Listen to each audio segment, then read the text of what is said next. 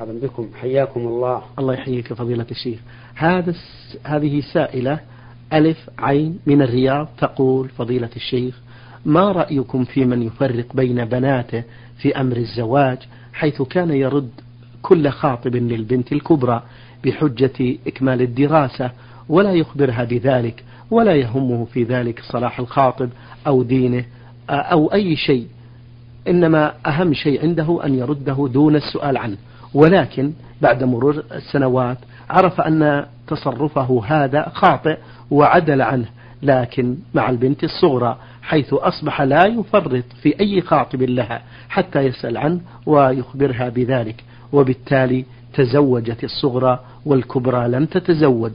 هل يحق للبنت الكبرى أن تصارح والدها بذلك وأن تناقشه وأن تسأله لماذا يفرق بينها وبين أختها؟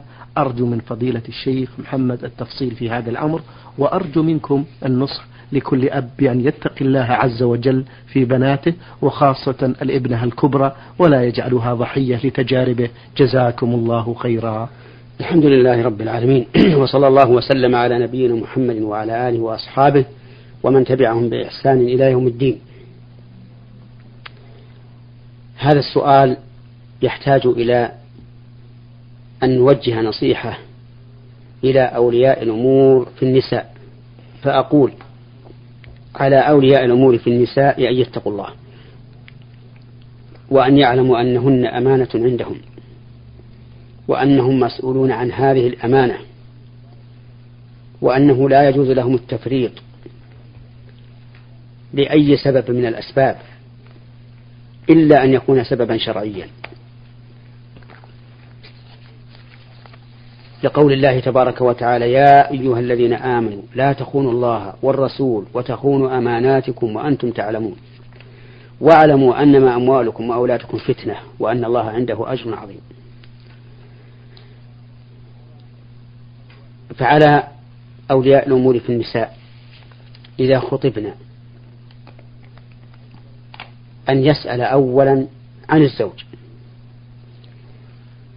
فإذا كان مستقيما في دينه وخلقه عرضه على المخطوبة وبين لها من صفاته. فإذا وافقت وأذنت أجابه. وإذنها إن كانت بكرا بالتصريح أو السكوت. وإن كانت ثيبا فبالتصريح فقط. فإذا قال للبكر فلانا إن إن فلانا يخطبك. وفيه كذا وكذا وكذا وذكر من صفاته وأحواله. فسكتت. فهذا إذن. وإن صرحت وقالت نعم زوجني به هذا إذن.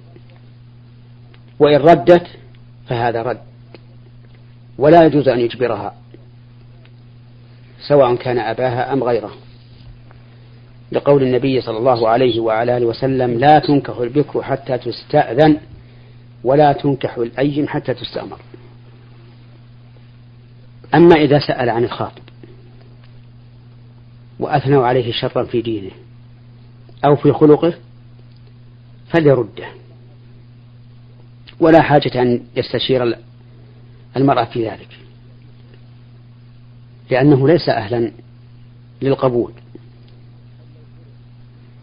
بل لو فرض أنه غير مرضي في دينه وقبلت به المرأة وألحت به فلوليها أن يمنعها من التزوج به. ففي الحديث عن النبي صلى الله عليه وعلى آله وسلم أنه قال إذا أتاكم من ترضون دينه وخلقه فأنكحوه. إلا تفعلوه تكن فتنة في الأرض وفساد كبير أو قال وفساد عريض.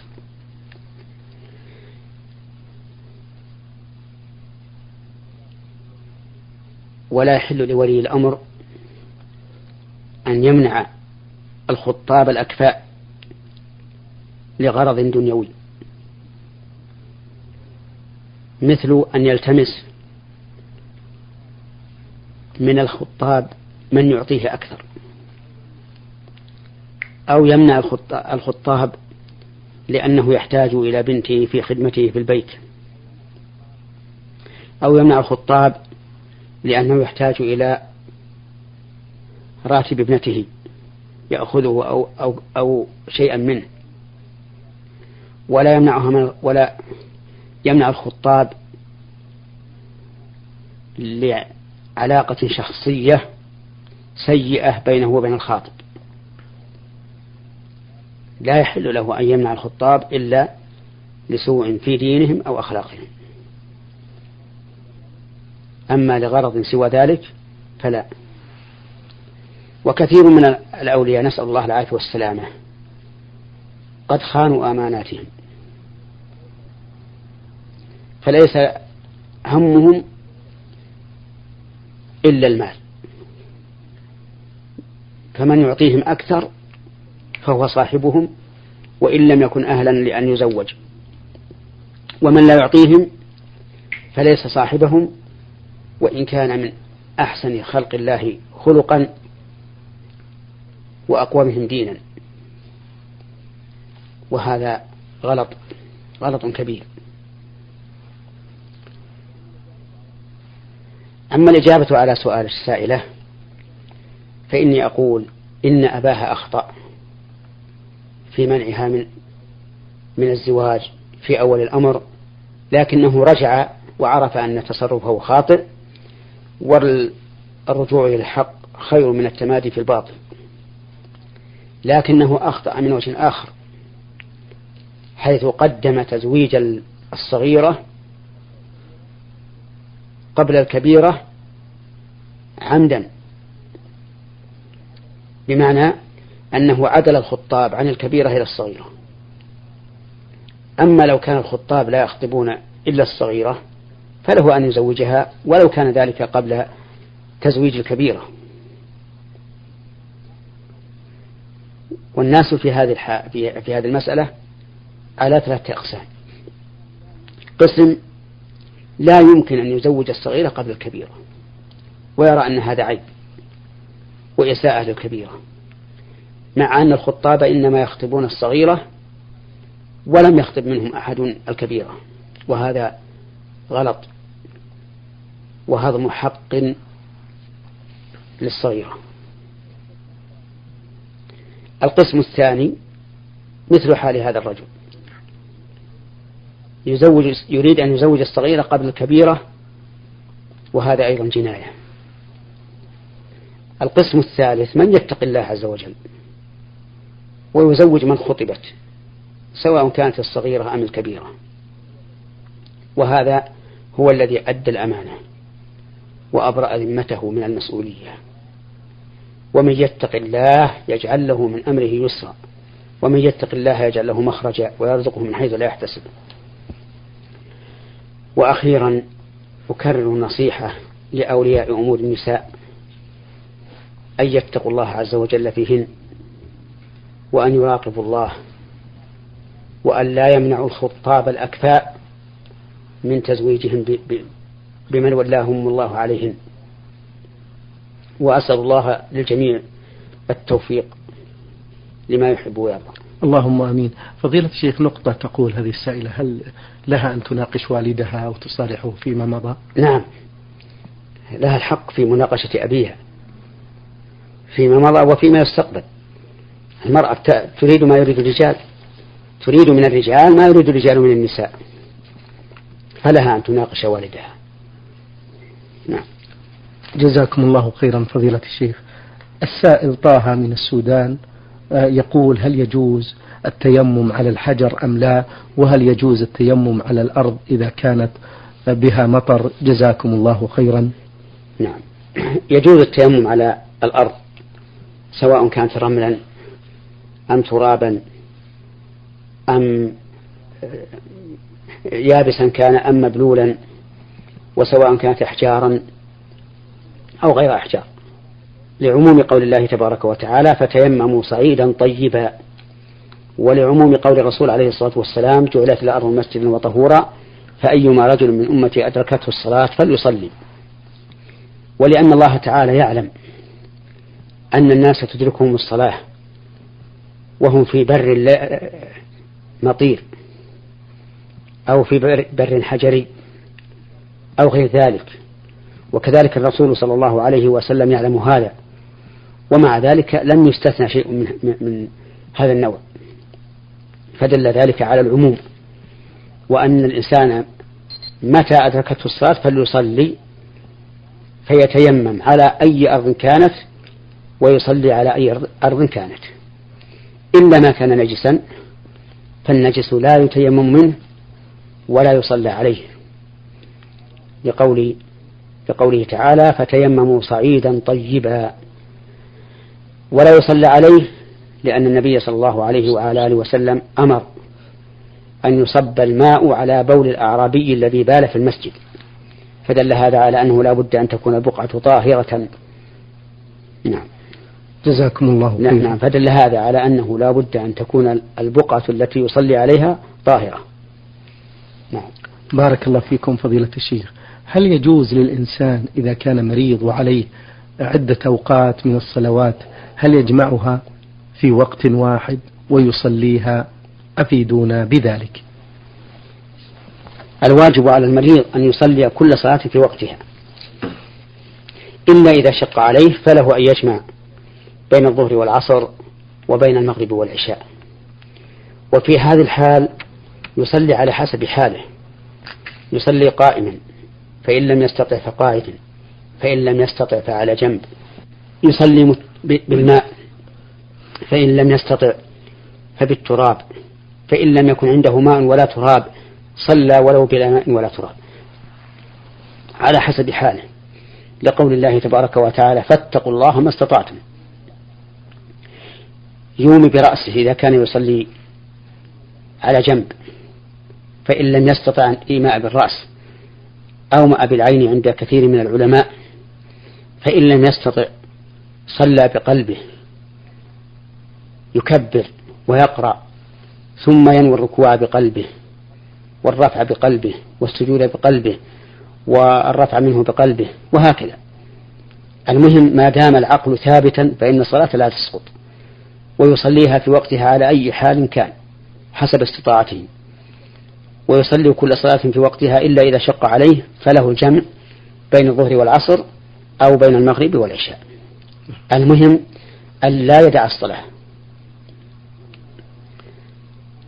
كثير من المرضى إذا كان لا يستطيع أن يصلي قاعدا أو أن يصلي على جنبه بالإيماء ترك الصلاة. وقال إذا عافاني الله صليت. وهذا غلط كبير هذا من الشيطان. لأنه لا يدري فلعله لا يشفى لعله يموت. فيكون قد ترك الصلاة عمدا. والواجب كما أسلفنا آنفا أن يصلي على حسب حاله. كثير من المرضى تكون ثيابه نجسة. فيقول ثيابي نجسة ولا أصلي فيها حتى يشفينا الله وأغير الثياب. هذا غلط أيضا. نقول غير ثيابك إن استطعت فإن لم تستطع صلي فيها ولو كانت نجسة. أليس هذا هو استطاعتك؟ وقد قال الله تعالى فاتقوا الله ما استطعتم. وقال النبي صلى الله عليه وعلى آله وسلم إذا أمرتكم بأمر فأتوا منه ما استطعتم. فالمهم أن على المرضى أن يتقوا الله عز وجل في أنفسهم. ويا حبذا لو جعل في كل مستشفى مرشد من أهل العلم يطوف بالمرضى ويعلمهم كيف يصلون وكيف يتطهرون حتى يعبدوا الله على بصيرة. لأن هؤلاء المرضى ما يدرى فلعل هذه هذه آخر أيامهم. فالواجب على المريض وغير المريض أن يسأل عن دينه. ولهذا نقول إن تعلم العلم واجب فيما يحتاج الإنسان إليه. فمن أراد الصلاة فعليه أن أن يتعلم كيف يصلي. ومن عنده مال عليه أن يتعلم ما تجب أن يتعلم ما تجب فيه الزكاة من الأموال وكيف تصرف وإلى من تصرف. ومن أراد الحج فعليه أن يتعلم الحج حتى يعبد الله على بصيرة. أفليس الواحد منا إذا أراد أن يسافر إلى بلد ليس لها طريق معلوم؟ أفليس يسأل؟ هو نعم سوف يسأل. ولا يمكن أن يخرج هكذا. الطريق إلى الجنة لا بد أن تعلم عنه وكيف تسير إلى الله عز وجل. نعم. جزاكم الله خيرا فضيلة الشيخ. هذا سائل من تشاد آه، آه، خلاصة القانون أن نقول الواجب على المريض أن يصلي الصلاة في وقتها بالطهارة بالماء إن أمكن فإن لم يمكن فبالتيمم فإن لم يوجد ما يتيمم به فبدون تيمم بثياب طاهرة فإن عجز فبالثياب ولو نجسة. يصلي قائما. فإن عجز فقاعدا. فإن عجز فعلى جنب. فإن عجز عن تحريك رأسه فبعينيه على قول بعض العلماء يغمض للركوع قليلا وللسجود أكثر تغميضا. فإن لم يفعل صلى بقلبه. المهم لا يؤخر الصلاة عن وقتها. إلا إذا كان يشق عليه إفراد كل صلاة في وقتها وجمع بين الظهر والعصر أو بين المغرب والعشاء فله ذلك إما جمع تقديم وإما جمع تأخير على حسب ما ما يتيسر له. نعم. جزاكم الله خيرا فضيلة الشيخ.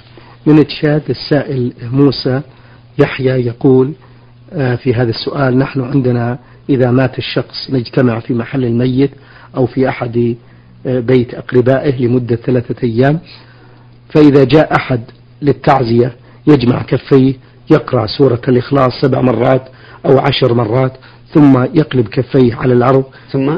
يقلب كفيه على الأرض ثم يقول اللهم اغفر له وارحمه ثم يمد يمدها أو يمد يده مرة ثانية يقرأ سورة الفاتحة ويمسح على وجهه. ما حكم فعل هذا الأمر؟ جزاكم الله خيرا. الاجتماع للعزاء مكروه بدعة.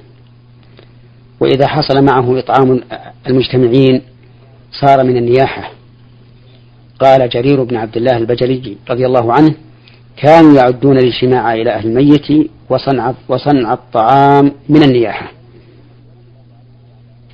ولم يكن النبي صلى الله عليه وعلى آله وسلم ولا خلفاؤه الراشدون ولا أصحابه المهتدون فيما نعلم لم يكونوا يجتمعون لتلقي المعزين أبدا. غاية ما في الأمر أنه لما جاء نعي جعفر بن أبي طالب رضي الله عنه قال النبي صلى الله عليه وعلى آله وسلم اصنعوا لآل جعفر طعاما فقد آتاهم ما يشغلهم. ولم يجتمع إلى آل جعفر علي بن أبي طالب وهو أخوه ولا النبي صلى الله عليه وسلم وهو ابن عمه ولا أحد من أقاربه فيما نعلم لم يجتمعوا إلى آل جعفر ليأكلوا من هذا الطعام. ولا شك أن خير الهدي هدي محمد صلى الله عليه وعلى آله وسلم وأن شر الأمور محدثاتها. والتعزية من العبادة. والعبادة لا بد أن تكون على وفق ما جاء ما جاءت به الشريعة. وقد صرح بعض أهل العلم بأن الاجتماع بدعة وصرح فقهاؤنا الحنابلة رحمهم الله في كتبهم بأن الاجتماع مكروه. ومن العلماء من حرمه. وإنك لتعجب في بعض البلدان أنه إذا مات لهم ميت وضع السرادقات الطويلة العريضة وعليها الأنوار الكثيرة الكاشفة وما دون الكاشفة والكراسي وهذا يدخل وهذا يخرج كأنما هم في وليمة عرس أو أشد. من قال هذا؟ من فعل هذا؟ أليس لنا في أسوة حسنة في محمد صلى الله عليه وسلم. رسول الله والذين معه. هم الأسوة. ولهذا نجى الله بعض البلاد من هذه البدعة المكلفة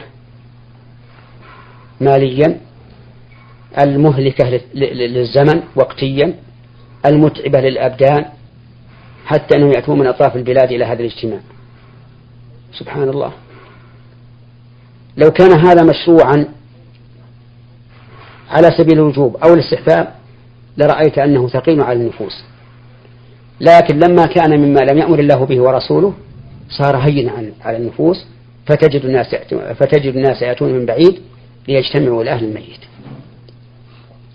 أما ما ذكره السائل من قراءة الفاتحة وسورة الإخلاص وهذه الأذكار فهي لا تزيد الأمر إلا شدة ولا تزيده إلا بعدا من السنة فهي بدعة. فإذا قال قائل إذا أنكرت هذا فكيف نعزي الناس؟ فالجواب التعزية ليست واجبة. حتى نقول لا بد منها وأنها ضرورة. التعزية السنة ولا تكون أيضا إلا للمصاب الذي نعلم أنه تأثر بموت هذا الميت. فنذهب إليه بدون أن يفتح الباب ويجمع الناس. نذهب إليه إذا كان من أقاربنا الذين لا بد أن نذهب إليهم وأننا لو لم نذهب لقيل هذا قاطع نذهب إليه ونقول يا أخي اتق الله واحسب واحتسب. وأقول نذهب إليه ليس معنى على سبيل الاستحباب لكن خوفا من معرة القطيعة وإلا فها هو النبي عليه الصلاة والسلام أرسلت إليه إحدى بناته تخبره أن طفلا لها أو طفلة في سياق الموت. فجاءه الرسول يخبر الرسول يخبره. جاء رسول المرأة إلى الرسول عليه الصلاة والسلام يخبره يطلب منها أن يأتي فقال له الرسول مرها فلتصبر وتحتسب؟ فإن لله ما أخذ وله ما أعطى وكل شيء عنده بأجل مسمى. ثم عاد الرسول وقال إنها تلح على أن تأتي فذهب إليها الرسول عليه الصلاة والسلام. ولم يحضر. لكن لما كان الناس الآن اعتادوا بأنه لا بد للأقارب القريبين من أن يأتوا ليعزوا أهل الميت. صار صار ترك هذا قد يعد قطيعة للرحم ويكون الإنسان لوكا للألسن فيذهب ليدرأ عن عن نفسه مقبة الغيبة. فيكون إتيانه هنا لا على سبيل أن هذا تطور مأمور به ولكن على سبيل أنه درء للمفسدة فقط بدون أن يكون هناك فتح باب. هذا يدخل وهذا يخرج. لا. أنا قريبه أنا أخوه أنا ابن عمه أنا عمه أنا خاله القريب القريب. أذهب إلى البيت وأستأذن وأدخل وأغلق الباب وأتكلم معهم. إذا رأيت أنهم قد تأثروا تأثرا كثيرا. أحيانا لا يتأثر أهل الميت بالميت لأي سبب من الأسباب وليس هذا موضع ذكر أو التمثيل بشيء. لكن أحيانا لا, تجدهم متأثرين. هؤلاء لا يعزون. لأن التعزية معناه تقوية المصاب على تحمل المصيبة. الله أكبر. هذه هذا معنى التعزية فالحاصل أننا نسأل الله تعالى أن يهدينا وإخواننا المسلمين لما فيه الخير والصلاح. اللهم آمين. شيخ محمد التليفون يكفي في ذلك؟ يكفي التلفون في ذلك؟ في من لا يرى أن من حقه أن, أن تأتي إليه بنفسك كالأقارب القريبين الذي ذكرنا طيب. آنفا. جزاكم الله خيرا فضيلة الشيخ. هذا السائل أرسل بهذا السؤال يقول المسجد يبعد عن آه، منزلي مسافة 2 كيلو ولا أستطيع أداء صلاة الفجر والعشاء بالمسجد لأن المنزل في منطقة زراعية بعيدة كما وضحت خارج المدينة ولكم الشكر. إذا كان يشق عليه مشقة شديدة فلا بأس أن يصلي في بيته خصوصا إذا كان لا يسمع النداء لولا, لولا الميكروفون. أما إذا كان لا يشق عليه ولكن فيه شيء من التعب فليحضر. ويكون أجره على قدر تحمله وعلى قدر ما أصابه من المشقة. وليعلم أن أن الله يكتب له من الأجر بكل خطوة يخطوها إلى المسجد يرفع له بها درجة ويحط عنه بها خطيئة إذا توضأ في بيته فأسبغ الوضوء ثم خرج من بيته إلى المسجد لا يخرجه إلى الصلاة. فليصبر وليحتسب ولو بعد بيته. وقد هم بنو سلمة أن يرتحلوا عن منازلهم إلى قرب مسجد الرسول صلى الله عليه وعلى آله وسلم. فقال لهم النبي صلى الله عليه وسلم دياركم تكتب آثاركم. دياركم تكتب آثاركم. فنسأل الله تعالى أن يعين أخانا على نفسه وعلى الحضور إلى جماعة المسلمين حتى يكتب له الأجر والثواب. بارك الله فيكم. هذا السائل أحمد محمد عامل بالمملكة العربية السعودية منطقة الدوادمي يقول أستلم راتبي شهريا وبعد سبعة أشهر أو أكثر أرسل ذلك إلى بعض الأخوان أمانة بطرفه أو إلى مصلحة. كيف أخرج زكاة ذلك مأجورين؟ تخرج زكاته إذا تم لك سنة. من قبض هذا المال. ولكن بما أن هذا المال راتب يأتي شهرا فشهرا قد يشق على الإنسان أن يراعي كل شهر على حدة. فنقول إذا تم الحول من أول شهر فأدى الزكاة عن الجميع وتكون الزكاة فيما لم يتم حوله زكاة معجلة. مثال ذلك إذا قدرنا أن الراتب ألف ريال. نعم. ابتداء من محرم. فإذا تم شهر ذي الحجة فقد تم على على على الراتب الأول سنة. فإذا أخرج الزكاة عن الجميع أخرج زكاة اثني عشر شهرا جملة واحدة. تكون زكاة شهر المحرم زكاة مال تم عليه سنة. ومعلوم أن أن المال الذي تمت عليه سنة تجب زكاته. وزكاة ما بعد الشهر الأول تكون زكاة معجلة ولا بأس بتأجيل الزكاة لا سيما في مثل هذه الحال التي يصعب على الإنسان أن يعتبر كل شهر على حدة. بقي عندي أنه يقال أو إلى مصلحة. فلا أدري ما معنى قوله أو إلى مصلحة.